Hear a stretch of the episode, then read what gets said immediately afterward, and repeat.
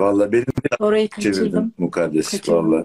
Ben de. Beni de diyorum bir canlı yayın şahsiyetine çevirdin. Artık alıştım yani Yaşasın. canlı yayına. Çünkü tam zamanı. Senin Çünkü Berlin'de tam zamanı. evet doğru evet olmayacak ya yaz yaz. Ben ben aslında buna şeyde ayırt et. Ya ben şimdi işte bir şeyler geliyor yazıyorum. Bir akış oluyor yazıyorum. Bazen olmuyordu o mesela. Kesiliyor, oturuyorum hiçbir şey gelmiyor, kalıyorum falan. Fakat son birkaç yıldır, dört yıldır mı, beş yıldır mı ne diyeyim aşırı bir akışa maruz kalmış durumdayım. Yani hani diyorum ya ben anlatmışımdır belki geçen programda. O işte İngilizce kitabı yazarken paralelde düşen farklı konulardaki notalardan şu- notlardan şu kitap çıktı. Yani bu O başka kitabı bir kitabı yazarken bu şey. Ne göstersem gene ters gözükecek. Güneş Güneştir. Güneşti. Yani bilgisayarı burada yazıyorum. Buraya bir bilgisayar daha kurdum. Bu arada dönüp yazdığım notalardan bu çıktı. Sen düşün ki ben burada ne yazıyorum? Nasıl bir şeye maruz kalmışım?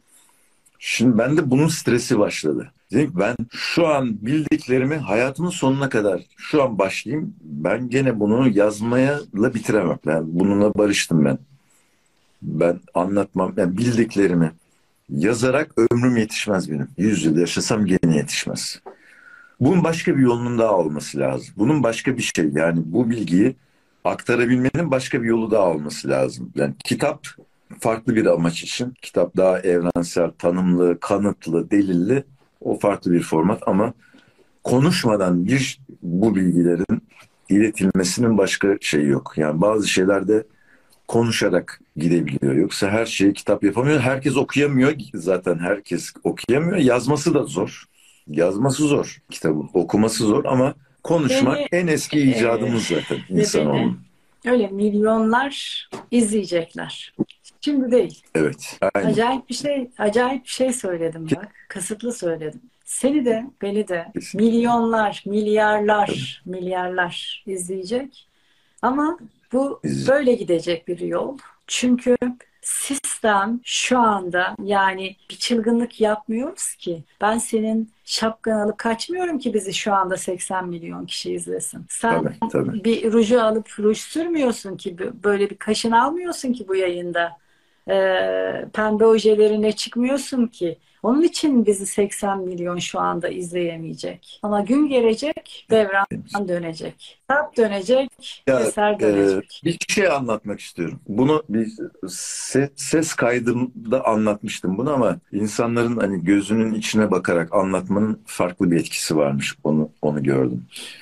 Benim bir iman yoktu bende. Anlamayan bende ben kafası karışık yani böyle farklı kreatif fikirlerin peşinden giden öyle bir imanlı birisi değildim.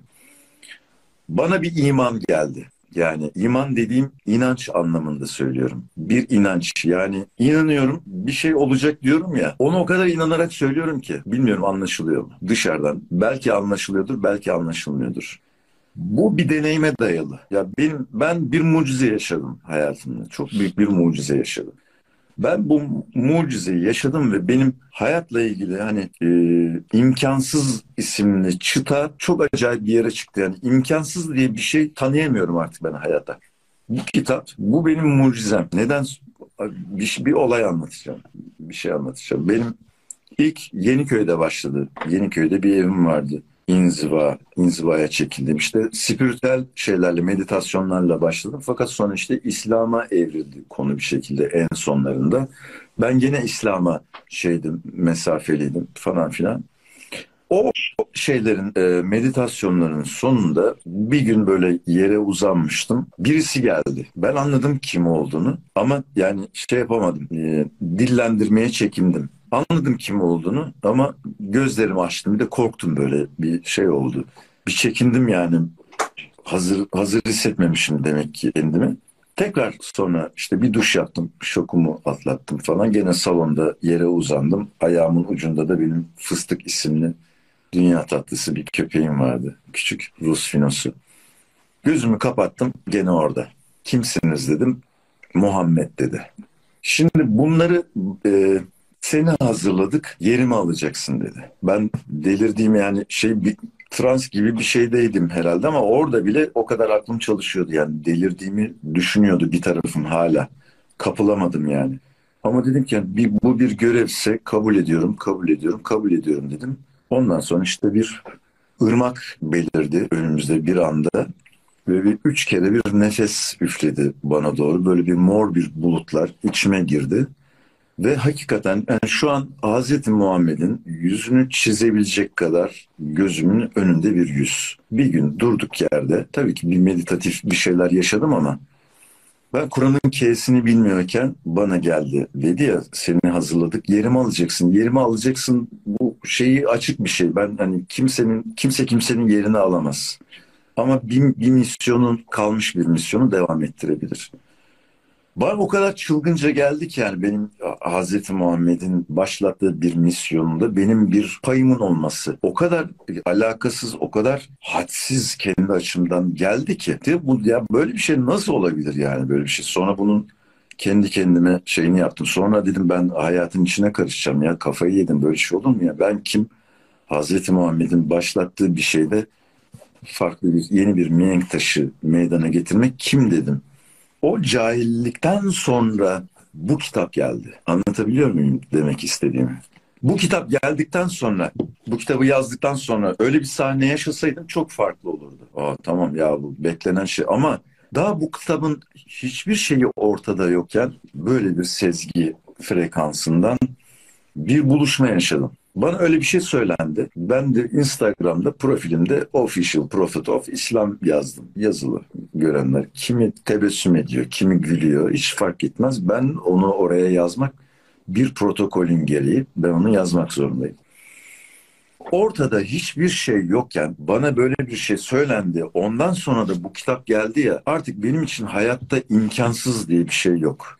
Hayatta delilik diye bir şey yok. Hiçbir şey kalmadı. Yani mümkün mü? Mümkün mü böyle bir şeyin oldu? Bu bu kitap gel bu kitaptan sonra daha da fazlası geldi. Daha ama bu kitabın altından kalkamadık ki biz öbür bilgileri bunun yanına ekleyelim. Hiçbir şey yokken yani insana nasıl bir şey veriyor yani bir kitap ya ben bir yazmanlık görevidir bu. Tanrı'nın sana verdiği bir yazmanlık görevidir bir yerde. Bir şey yazıyorsun ama sana da bir mucize yaşatıyor yani. Senin de bunun tekamülüne hizmet etsin isteniyor. Bir çatışma yaşıyorsun. Kendinden şüphelenmeni istiyor. Bir Sonra olaya böyle bir dar bir bakış açısıyla. Oldu aynı durum? Bir, bir kez mi oldu? Bir, bir, bir kez oldu. Başka şahsiyetlerle oldu. Başka şeylerle yüzleşme yaşadım.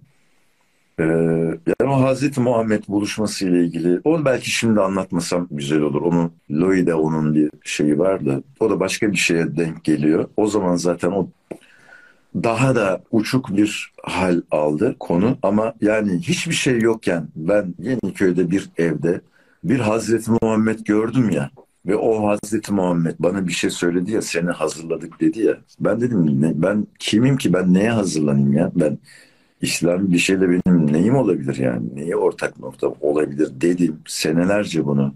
Herkes de tasdik etti yani. Tabii canım senin ne olabilir? İslam'la ilgili bir şeyin, bir görevin olabilir.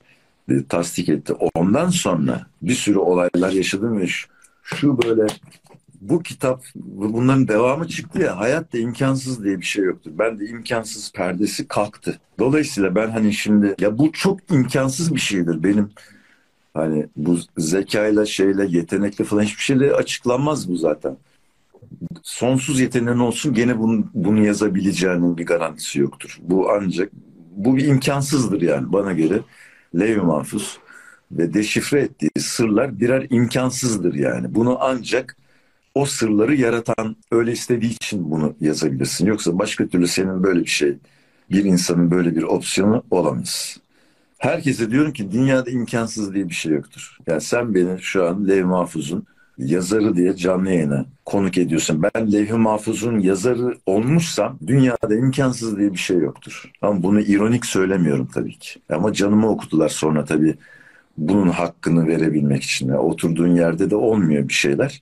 Hakkını verebilmek için kendini geliştirebilmen için de çok büyük de bir mücadele ihtiyacı var ama gerçekten bak sezgi frekansından, saf bir sezgi frekansından bir sinyal alıyorsanız, size bir şey geliyorsa, size bir şey söyleniyorsa bu şey imkansız gözüküyorsa, çok saçma gözüküyorsa ve en önemli alameti etrafındakiler buna sıcak bakmıyorsa yürüyün arkadaşlarım, yürüyün kardeşlerim orada. O, o o imkansız bir şey değildir asla. İmkansız olan şu an yaşadığımız dünyadır. Bir dünyanın bu kadar iğrenç bir yer haline gelebilmesidir imkansız olan.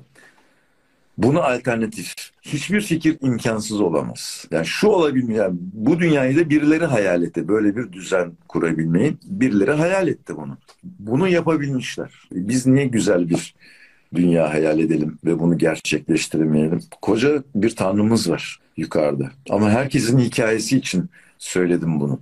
Kimse kendini küçümsemesin. Kimse kendini abartmasın. Bir denge noktası var. Hani ne, ne olmadığımızı bilelim. Ben ne olmadığımı çok iyi biliyorum. Ama ne olduğumu da çok iyi öğrendim. Bunun çok güzel ortada bir uzun ince bir yolu var. Yani nefsinize feda etmeyin hikayenizi. Egonuza feda etmeyin. Çok kutsal, çok mukaddes bir hikayesi var herkesin. Ama buna egosentrik yaklaşırsan o hikayeye halel getirmiş oluyorsun. O hikayeyi saf tutmaya çalışın. O hikayeyi dünyevi ihtiraslara vesairelere, yarın bir gün hatırlanmayacak şeylere feda etmeyi göze almayın. Çok kutsal bir hikayemiz var. Gerçekten yani ya ben şimdi bir örnek vereyim. Ben e, hani şaka gibi gelen işte çözülememiş sırları çözmüş mavi bereli birisiyim. Ya ben çocukken annem bir vazo kırılıyor evde. Bu kadıncağız da ne yapsın? Kapıyı açıyor vazoyu kapının dışına koyuyor. Apartman görevlimiz görecek onu alacak götürecek. Bak şimdi ben benim evrimim nerede başlamış? Ben o kapıyı açıyorum. Çocuğu işte 3 yaşında mıyım, 4 yaşında mıyım, 2 yaş bilmiyorum kaç yaşında oldum. Pantolonumu indiriyorum ve o kırık vazonun üstüne oturuyorum.